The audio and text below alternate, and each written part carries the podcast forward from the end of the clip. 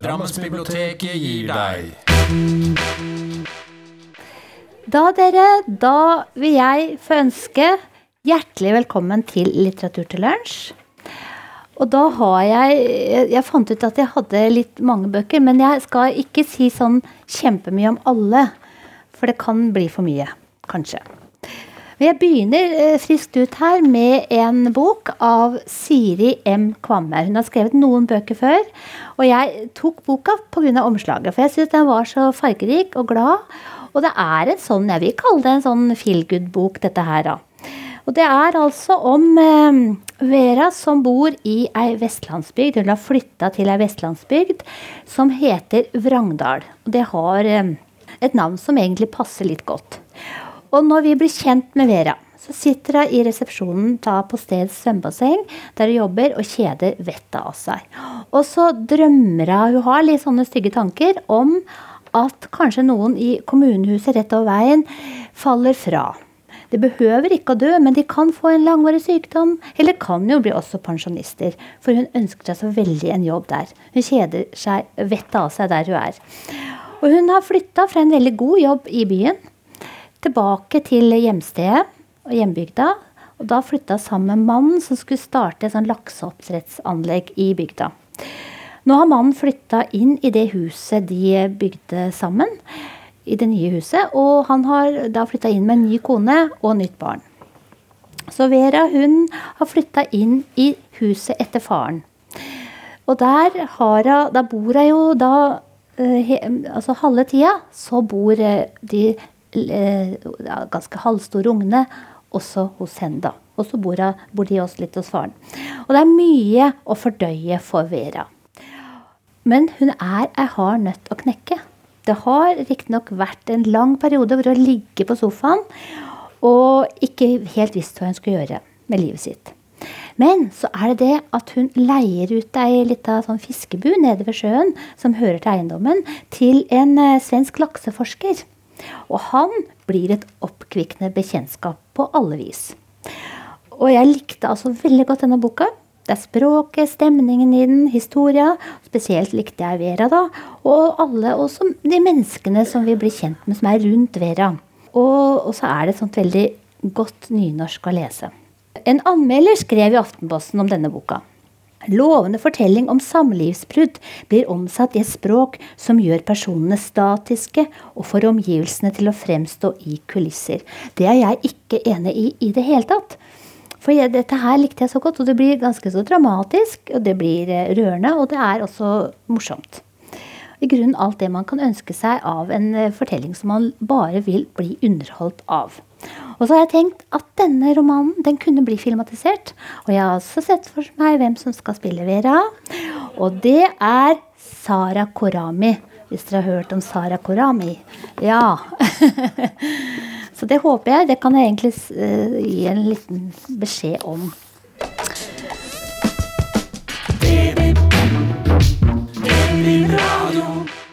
Så har vi da denne boka her. Den kom for to Nei, den kom i fjor, ja. 'Hesteguttene' av Johan 1. Johan 1 han er en svensk eh, forfatter og skuespiller. I denne boka så handler det da om eh, Janek og Sasha som vokser opp på et barnehjem i eh, Praha, og det er på begynnelsen av 1920-tallet. Og disse to de passer på hverandre. Og Sasha han har tatt storebrorrollen, for Janek han sliter. Han sliter veldig mye med ting han har opplevd før. Han har sånne angstanfall, han går inn, helt inn i seg sjøl, og da må Sasha passe på Janek. Og disse to de rir på det barnehjemmet de bor, så kan de ri, og så lærer de hestedressur. Og det er trøsten til Janek. Han elsker hestene. Men nonnene på barnehjemmet de er strenge og de er lite empatiske. Og når Janek blir tatt fra den hesten han er mest glad i, så går det gærent. Og da rømmer de to guttene. Og de er ikke gamle, de er vel en 13, 13 år, tror jeg. Og, men på en nesten mirakuløst vis så kommer de borti et omreisende sirkus, og så får de altså jobb på det sirkuset fordi de er så gode på å ri. Og der perfeksjonerer de disse kunstene sine på hesteryggen, og de får stor suksess. Følelsene de har for hverandre, de går etter hvert over fra vennskap til forelskelse. Det blir vanskelig når de havner i Berlin med sirkuset. Og det er akkurat på den tida Hitler er i ferd med å ta over makta. Brunjakkene fyller gatene som, som moralpoliti enkelte steder i dag. Det finnes ingen beskyttelse noe sted. Fortellingen veksler mellom Sasha og Janeks øh, opplevelser i Berlin på 1930-tallet. Og så kom vi til øh, Sverige, og vi er, kom, er, i 2014. Og der treffer vi Anton, en ung gutt som jobber i hjemmesykepleien. Så det veksler mellom disse to historiene, da, før og nå.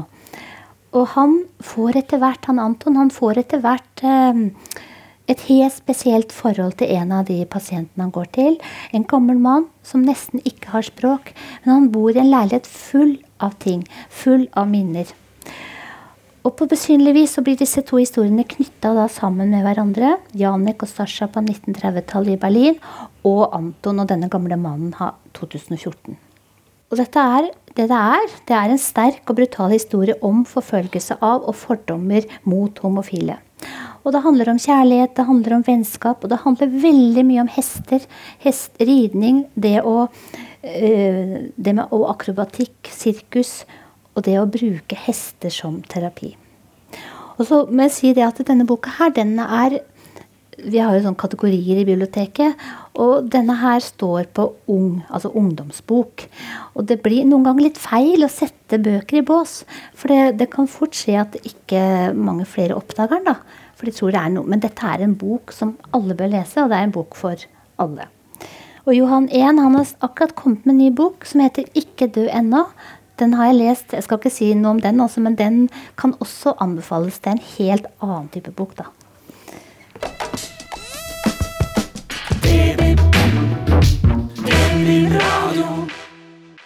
Og så, dere, så kommer denne her.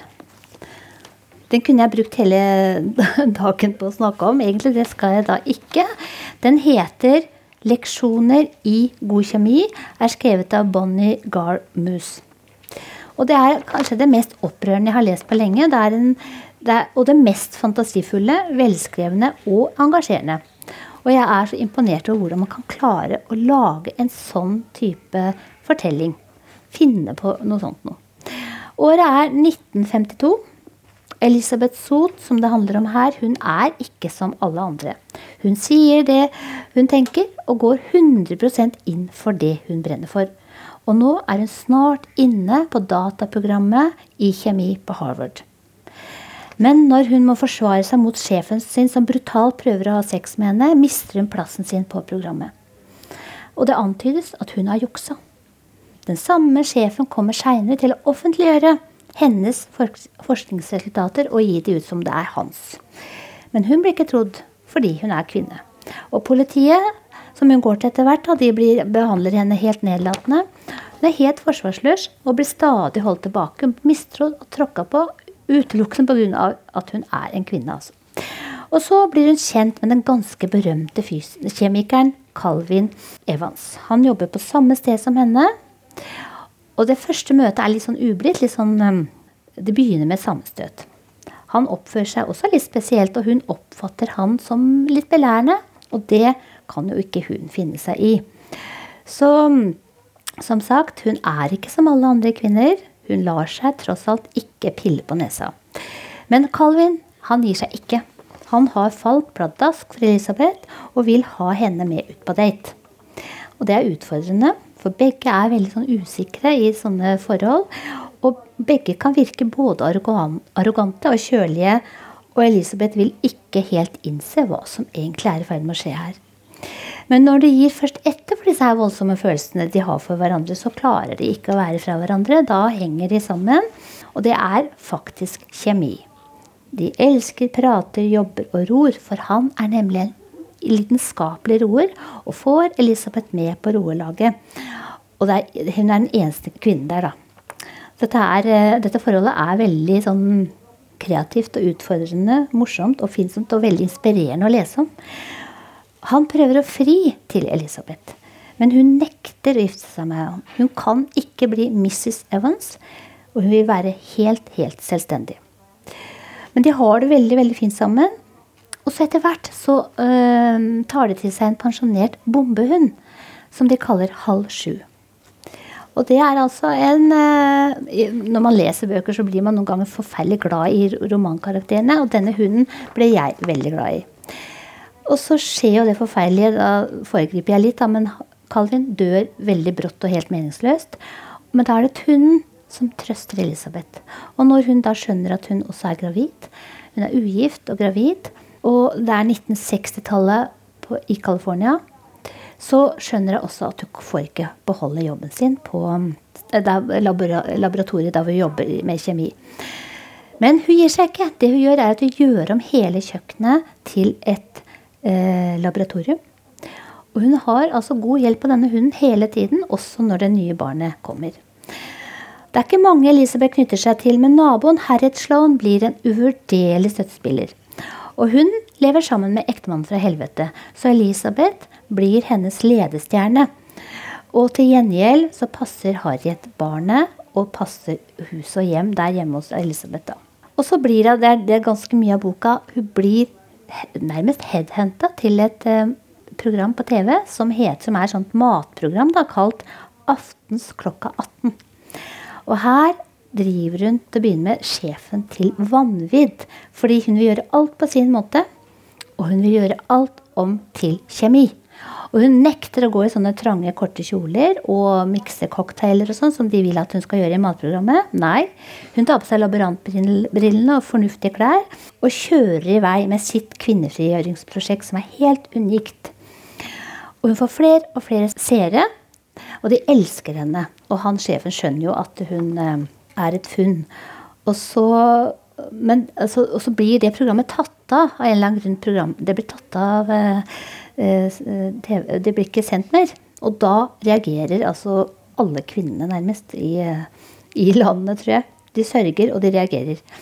Men det er altså en bok eh, som man nesten må mm, stå når man leser. Fordi man blir så opprørt, og så blir så engasjert. Og, og så blir man man går så inn i de karakterene så man blir liksom venner, eller veldig uvenner med de da. Det er med snert og humor, indignasjon og et eksplosivt opprør forfatteren gjennom Elisabeth får vist den absurde undertrykkingen kvinner har vært utsatt for gjennom alle år.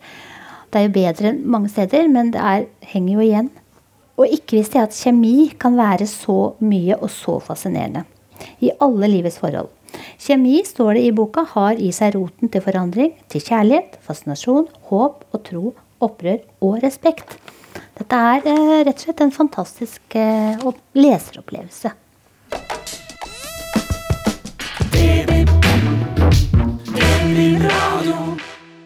Og så går vi over på Erik Engblad.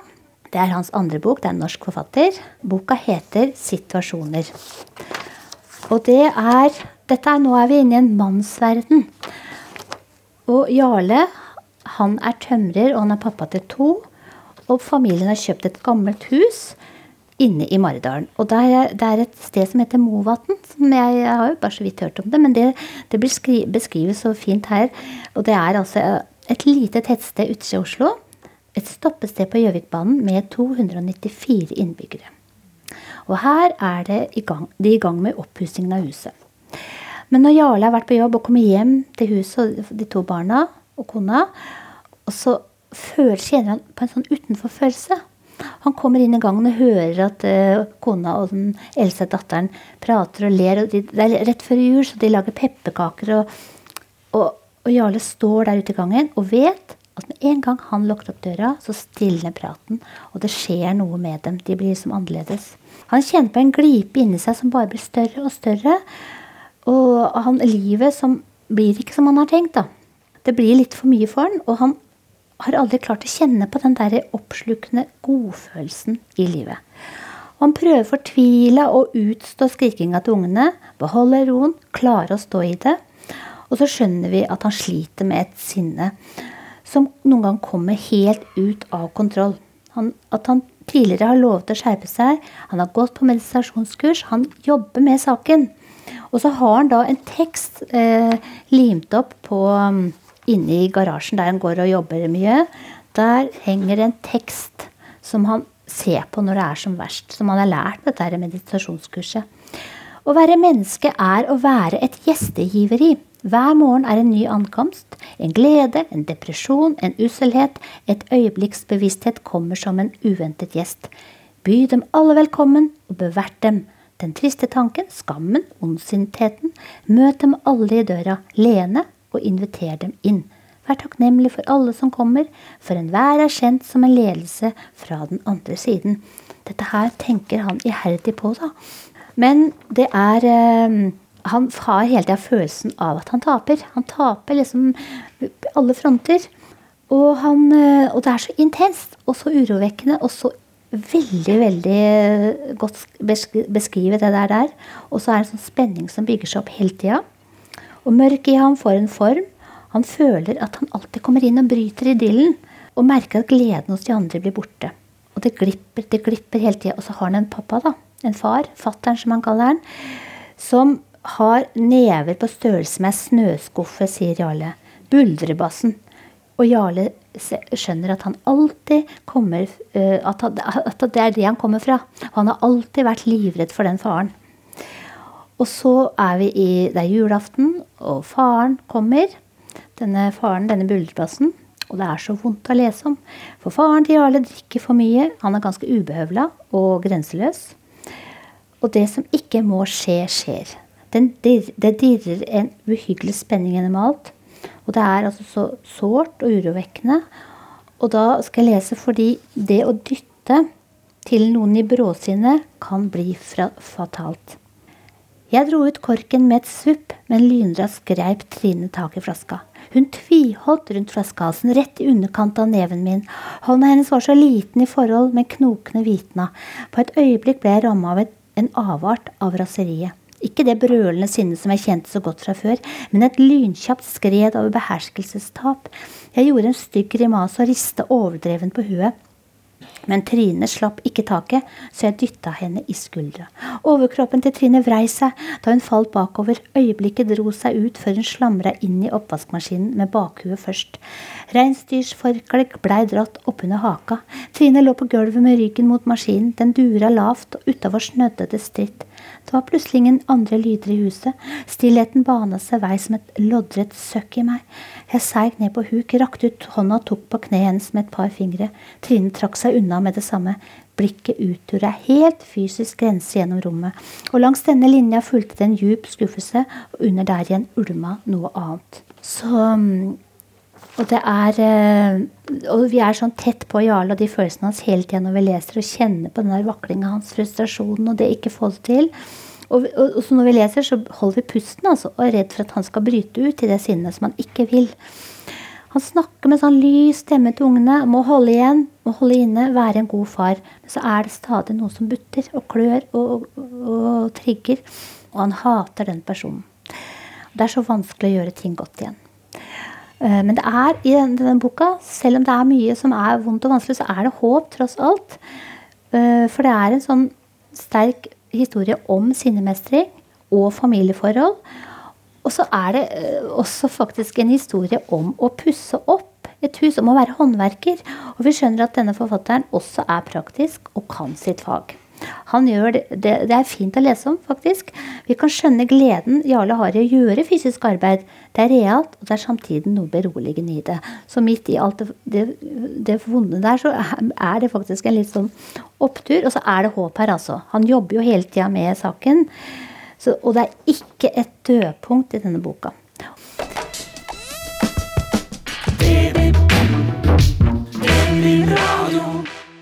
Og så har jeg funnet ei bok. Det var helt tilfeldig at jeg rydda bøker og fant denne her. Den heter 'Sykkeleventyret' og er skrevet av Ishbel Holmes. Og Ishbel Holmes hun har engelsk mor og iransk far og vokste opp i England og Skottland. Hun kom til verden det samme året som Khomeini tok over makta i Iran. Hun ble kasta ut hjemmefra fordi moren ikke klarte å ta hånd om henne. og Så kom hun i et fosterhjem. Og de fosterforeldrene var veldig åpne på det at det, dette var en jobb de hadde. De trengte litt ekstra penger, så dette var altså en jobb. Så Isabel hun savna jo den derre familiefølelsen, kjærlighet, altså det å bli eh, få ekte kjærlighet. Og så opplevde hun på toppen av alt å bli misbrukt seksuelt. Så hun flytter tidlig for seg sjøl, og da begynner hun å sykle. Og hun kommer etter hvert inn på det iranske kvinnelandslaget i innendørssykling. Hun er med på flere konkurranser, men det, hun trekker seg. Fordi det er så mye kjønnsdiskriminering i det miljøet. Hun opplever trakassering og uærlighet og juks. Så en, en av de siste um, konkurransene hun skal være med i, så bare endrer hun flybilletten. Hun orker ikke. Hun drar hjem fra Iran mye tidligere enn planlagt. Og da, når hun kommer tilbake til England, så eh, selger hun alt eier. Og så tar hun flyet til NIS. Og så starter hun det prosjektet hun har ønska seg. Det er å sykle jorda rundt. Uten å legge en eneste plan eller forberede noe som helst. For er, Hun har en sånn utrolig sjarmerende måte å finne veien på. Jeg syklet rett og slett i omtrentlig retning av et land eller et hav, og så på alt som skjedde innimellom, som en overraskelse. Og reisemålene de forandra seg underveis. Men så kommer hun til Tyrkia, og da forandrer livet hennes seg eh, på en måte, fordi der møter hun gatehunden Lucy. Og hun blir veldig knyttet til denne hunden, men den hunden er skada. Og den halter, og når hun skal sykle videre, så klarer ikke den å følge. Han, hunden prøver å følge av, men um, han halter for mye, så hun får tak i en sånn provisorisk kasse som hun fester foran på sykkelen. Og sammen så sykler de to av gårde. Og hun går ved siden av når hun kan, og oppi kassa når hun ikke orker mer. Og det prosjektet da, det endrer seg til å bli et prosjekt om å sykle Du må sykle tvers gjennom Tyrkia til et sånt pensjonat for eh, hunder som, eh, der hunder blir behandla godt. Da. Fordi i Tyrkia så blir ikke gatehunder behandla. De, eh, de, er kjent for å behandle gatehunder dårlig. Fordi barn de blir skremt av, med hundene pga. rabies. Og da sier de voksne til dem at hvis dere er ulydige, så vil det komme en slem hund og bite dere. Så de er redd for hunder, og de, de er ikke snille med gatehundene. Men Ishbel hun sykler da med, med den Lucy gjennom Tyrkia for å gi henne et trygt hjem. Og det er altså veldig mange utfordringer underveis, fordi det er eh, dårlige veier. Det er vannmangel, det er varme, innpåslitte mannfolk, lite penger. Men de gir seg ikke, og så deler hun historien, historien om Ishbel og Lucy blir delt på Facebook. Og de får veldig mange venner da, som gir dem et måltid eller et sted å bo. Og det, det utrolige er jo at uh, er, hun får faktisk folk i Tyrkia også til å bli glad i hunder. Altså, så det er, den negative innstillingen til hunder er ikke så stor lenger der hun sykler gjennom. da. Det er en veldig veldig spesiell historie. Og fordi jeg er glad i å sykle og veldig glad i dyr, så blei det veldig rørende historie, det må jeg si. Jeg skal ikke si så mye mer om hvordan det går med alt. Men i hvert fall så er det også om å sykle. Og det å bare kaste seg ut i noe.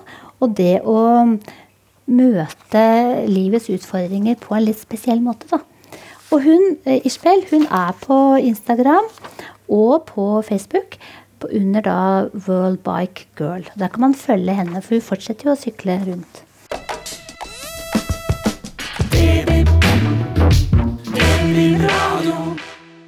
Den heter 'Amerikansk jord' av Janine Cummins.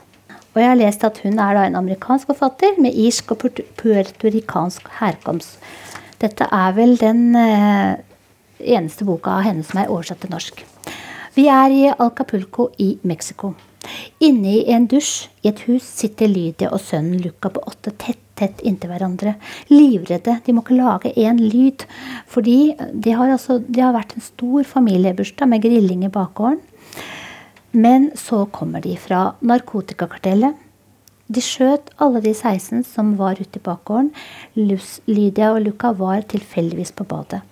Og ved et lykketreff så blir de ikke funnet da mennene gjennomsøker, gjennomsøker huset etter massakren. Uh, en av mennene går inn på badet, og han står og tisser lenge rett ved siden av. Og de vet at de lager en lyd, så er det ute med dem.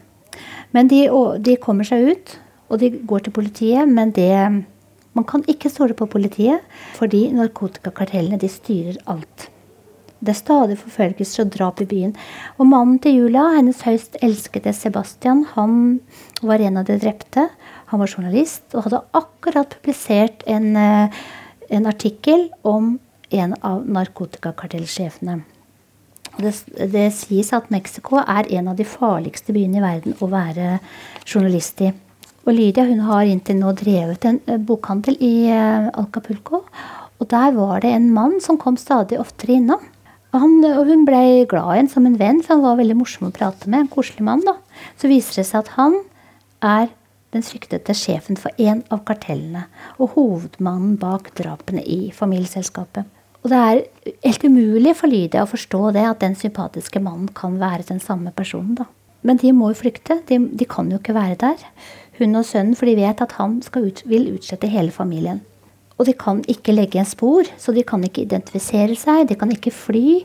Så de gjør det som mange immigranter gjør for å prøve å komme seg til USA. De hopper på tog, altså kaster seg på tog som sakker farta inn mot en stasjon, og så klatrer de opp på taket. Og så ligger de der, og det er livsfarlig. Og det er utrolig mange hindringer underveis. Og, det er, og boka skildrer jo alle de møtene med andre immigranter. Og det er ikke alle de kan stole på av de, selv om de er ute i kanskje samme hæren. Men eh, de må stadig være på vakt. Og det er eh, Og synsvinkelen den skifter hele tida mellom Lydia og Luca. Så denne gutten på åtte år var han da de måtte flykte. Eller han er åtte år. Fordi, og han vokser jo ved altså Han blir veldig sånn eh, Passer på moren sin. Blir veldig veslevoksen.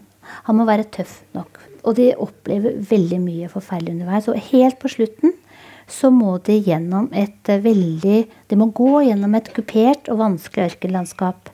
Og det betaler de masse penger for å bli ført over den biten, da. Og denne historien blir drevet framover av en voldsom energi. Dirrende nerve. Og man er så, det er den der store redselen hele tida for å bli tatt. Og for å ikke nå drømmen om å komme til tryggheten i Amerika. Så det er helt umulig å ikke bli berørt av den der historien.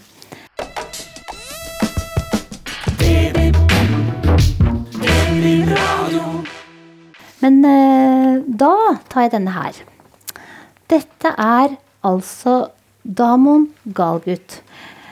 For denne boka, 'Løftet', så fikk han Booker-prisen i fjor. Han er en sørafrikansk forfatter. Og boka er, har også handling fra Sør-Afrika. Og vi er da, når det starter, i 1986. Amor på 13 år hun er på en internatskole og får beskjed om at moren er død. Hun blir henta på skolen av tante Marina, en tanten fra helvete, har jeg tenkt. En ganske ufølsom, respektløs, ubehøvla, geskjeftig dame som egentlig alltid har sett ned på den svigerinnen som nå er død. Så, og mannen, onkel Okki, er en litt sånn distré, surrete type som suger på den nikotingule barten sin og vet ikke helt hva han skal si eller gjøre. Han er da under hæren på denne kona. Og hele dette Sånn åpner boka. Og det er et sånn utrolig skildring av det her. Og det blir eh, altså helt uforglemmelig hvordan uh, denne forfatteren klarer å skille disse menneskene og hele stemningen rundt. Og så er det denne sønnen deres, fetter til Amor, som er 24 år, kun opptatt av frimerkesamlingen sin, har store, pløsete hender, bollesveis og en suspekt måte å uttale bokstaven S på. Så kjører de hjemover til gården, og det er ganske sånn skildra sånn, Det er sånn utrygt, for det er bråk i townshipene der det svarte bor. Og noe er i gjære i landet. Denne familien er da etterkommere av nederlendere som kom til, eh, til eh, Sør-Afrika for en del år siden. Da. Så de er hvite afrikanere. Men mor til Amor, hun som akkurat er død, hun konverterte til jødedommen. Det er stor skam, da, særlig for denne tanten, som mener at hun har gått helt utenfor sin egen uh, stamme. på en måte. Hun har gjort noe uhørt ved å gå inn i summe og begraves på en helt spesiell måte. Men Amor sitter inne i bilen og tenker at hun har ikke lyst til å komme fram til gården og huset. For når hun gjør det, vil det være sant at noe har skjedd, at noe i livet hennes har forandret seg, og aldri kommer til å forandre seg igjen og bli som det var. Og så får vi skissert opp eh, de store forskjellene i landet, apartheidstyret, mennesker som aldri omgås hverandre. De hvite bor på de store gårdene som er godt bevokta og har svarte hushjelper og tjenere. Og så er det stemningen i dette huset rett før begravelsen. Ulike mm, Altså alle kommer hjem, og det er mye som kommer fram da i skyggene av dette dødsfallet som ikke er så bra. Forholdet mellom familiemedlemmene. Og så har de i alle år hatt en hushjelp som heter Salome, som Amor er veldig knytta til. Og hun overhørte en samtale mellom moren og faren en gang hun var hjemme. Og da var moren blitt syk, og hun tryglet faren om at Salome skulle få huset hun hadde bodd i hele tida hun hadde jobba der. Og det løftet, det er, det boka heter jo 'Løftet', det er noe som Amor kommer tilbake til gang på gang og prøver å få de andre til å skjønne at det løftet må de innfri. Men de, de vil det ikke. De, de nekter, de, de mener at det kan ikke være lov at en svart kvinne kan få eie sitt eget hus. Men Amor tenker helt annerledes, og Amor hun har altså eh, Da hun var seks år, så ble hun rammet av et voldsomt lynnedslag. Hun overlevde, men det lynnedslaget har prega henne. Det er akkurat som om det har gjort at hun er annerledes enn de andre og tenker annerledes. Hun forstår ikke landets intrikate lover. Og historien har ennå ikke trampa på og, Akkurat som alt skjer utenfor henne. Men hun vil hele tida tilbake til der det er løftet. Og det er veldig mye som skjer her. Det er, det er eh, det er, nesten, det er, veldig vanskelig å skrive om det, men det er en sånn, dette er like før Nelson Mandela da blir frigitt og blir president i landet. Og så følger vi eh, denne familien. Det er flere dødsfall da, og flere begravelser. Og hele tiden så forandrer ting seg. Og mor blir jo hele tida eldre. Det er veldig sånn eh, opprørende. Mye, mye, ubehagelig, mye som er ikke så bra. Men så er det mot slutten, så kjenner man på at det, forandringen den er også løftet om at det, ting kan skje til det bedre. da alt det. Men det, det er en bok man vanskelig å lese. Man må liksom Vanskelig å fortelle om. Man må lese den.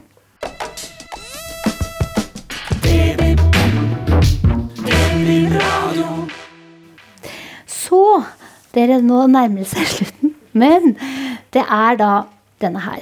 Og da må jeg fortelle om en gang jeg var på litteraturfestivalen på Lillehammer. Det var i, det er ganske lenge siden, egentlig. Jeg tror det var i Ja, det er lenge siden. det var det i hvert fall. Da var jeg bl.a. på en sånn eh, presentasjon av Margrethe Olins film 'De andre'. Og da fortalte hun om filmen, og så viste en snutt av den filmen. Den, den kommer jeg aldri til å glemme. Jeg orka ikke å se filmen, faktisk. Men det var disse unge mennene da som når de ble 18 år De hadde søkt asyl i Norge. Når de ble 18 år, så, så ble de sendt ut av landet. Og så var det mens de satt og venta på å skulle sendes ut av landet. Og det var den redselen i der, deres, den svarte angsten. Og en av de mista til og med føleligheten i beina. De var så redd for å sendes tilbake igjen. da. Og den, den der, der, det tenkte jeg så på når jeg eh, leste denne boka her. For dette er da fra et flyktningmottak i Stockholm. Det er en oppdikta historie, men det er jo eh, veldig reelt, da, dessverre. Og det er Rebekka. Hun er ganske ung, og hun jobber på et flyktningmottak. Eller dette flyktningmottaket, da. Og hun er ikke så veldig mange år eldre enn de som kommer inn dit. Og da boka begynner, så skal hun ta imot en ny ung mann til en sånn mottakssamtale. Sahir. Og det må, der alt det tolken må komme. Og han skal fylle ut skjemaer, og vi skjønner hjelpeløsheten i han eh, med alt det han må møte der. Alt det han har reist fra, alt det nye og fremmede som han ikke helt forstår hva han skal gjøre med. Skjemaer som må fylles ut av alle spørsmålene. Og så er vi med inn i hverdagen på dette asylmottaket med tre unge menn som alle er fra Afghanistan. Sahir, Ahmed og Mohammed. Og Rebekka har jo nøkkel til alle rommene. For det, som de sier, må, de får jo ikke noe privatliv, de guttene. Fordi de må uansett kunne komme seg inn dit. Fordi de kan ha skada seg, eller de kan ha tatt livet av seg, som de sier til Rebekka. Hun syns det er innmari ubehagelig å låse seg inn til de. Men hun må gjøre det. Og de får alle forskjellige medisiner da, mot angst, uro, for å dempe alt dette her, og for å få sove. Og så venter de. De sitter jo der og venter. De har søkt om opphold og vet ikke hva som vil skje. Og så har de jo det der at de må aldersbestemmes, for de blir ikke trodd på at de er kanskje 16 år, da. Eh, eller For når, det, den, den grensa der, ikke sant, da må de kanskje ut av landet. Og det vet de. Så de blir sendt på sånn aldersbestemt bestemmelse. Hamid blir innkalt til det. For de tror eh, ikke på han, da. Og da kjevebeinet hans anslås å tilhøre en 17-åring.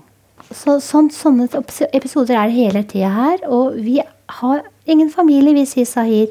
Vi er Afghanistans sønner. Og så kommer disse brevene, da, ikke sant. Med 'har du fått opphold eller ikke'? Og så er det en som får opphold. Da er det fest. Andre får avslag. Ahmed han er full av liv. Han har vist Rebekka livslinja si, og den er ganske kort, har han sagt. Så jeg må bare leve masse nå. Og han eh, Ja, det er veldig fort å si for mye, men i hvert fall så er det en utrolig sterk skildring av dette asylmottaket og disse unge mennene. Og hun eh, forfatteren er debutant, men hun har jobba sjøl på eh, asylmottak, så hun vet hva hun skriver om. da. Så jeg tenker at alle bør lese denne boka.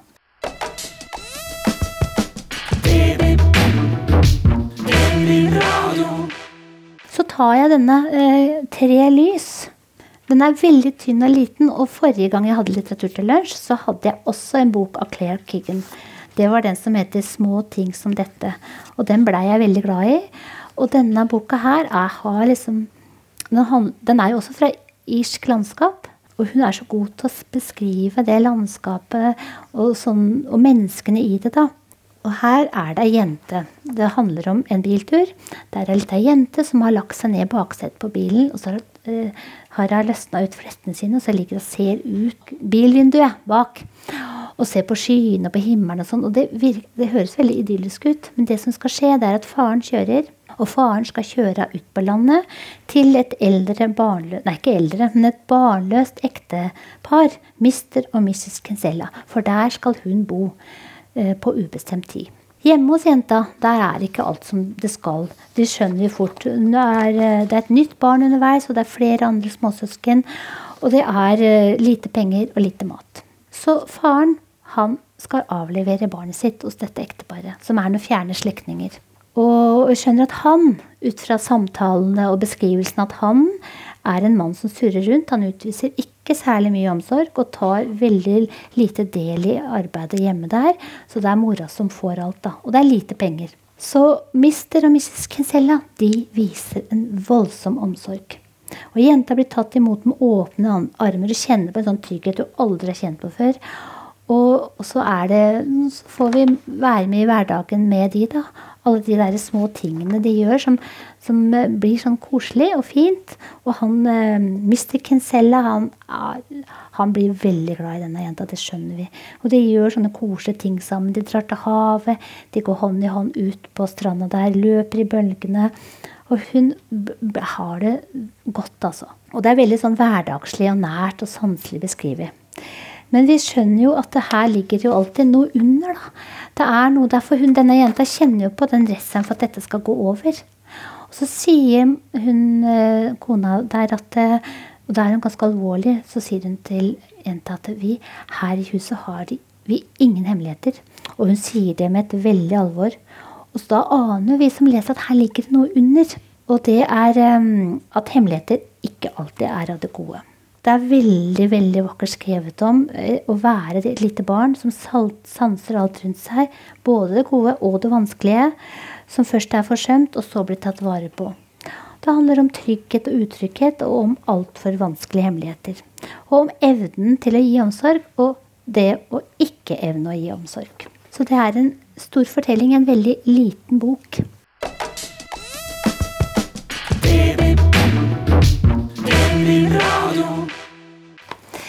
Da dere har vi kommet frem til eh, dagens eh, siste post, og det er jo en dikt. Jeg pleier å avslutte med en diktsamling. Og nå har jeg funnet en debutant. Det er Benedikte Rydland Hareide. Hun er født i 1963, så hun debuterer jo ganske opp i årene. Og hun bor da i, oppe i Tromsø. Og det bærer disse her diktene preg av. At det er fra det landskapet, da. Som det er veldig, veldig fint beskrevet i landskapet oppe i nord der. Og så er det på, på nynorsk. Veldig vakkert nynorsk. Eh, og, det er, og, det er, om forhold. Det triste i at man ikke når hverandre i et forhold. Det der med avstand. Hvor vanskelig nærhet kan være. Og, og så er det fra disse hverdagslige episodene og forholdene og sånne ting, så går hun ut i verden, og så har hun bl.a. et dikt om det hvor hun er på bomullsmarkene. eh, begynner da med slavene på bomullsmarkene, og så og bluesens opphav der. Og så trekker jeg det helt til vår verden og vår tid, og til Molde og jazzfestivalen. Som klarer å se sånne linjer der.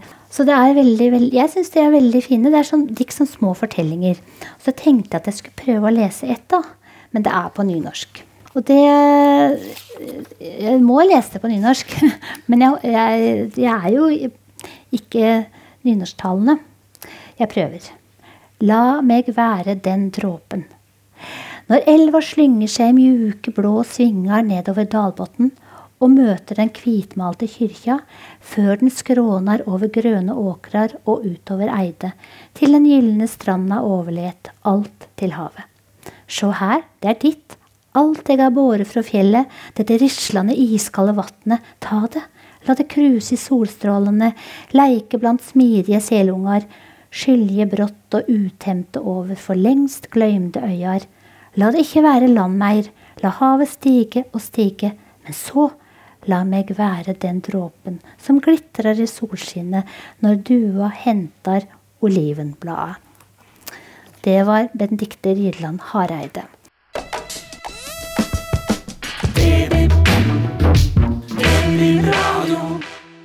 Og helt til slutt så vil jeg avslutte denne samlingen vår med et dikt av Mona Høvring.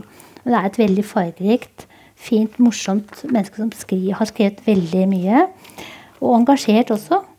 Og da så fant jeg denne her, for jeg leita og leita hva kunne passe. Men denne her tar jeg nå. Den heter 'Salme for Lucia ved sin moders bryst'. Våke, våke hyrde over søvnens milde latter for den er sangen vi legger til grunn for gleden vi kjenner ved synet av andre dyr. Naturen er ikke harmonisk, bare naturlig. Våke, våke, hyrde. Bare søt fred på slettene når mora dier barnet, når snøen er overbærende og natta driver oss til gode gjerninger. Så tusen, tusen takk for i dag, og velkommen tilbake.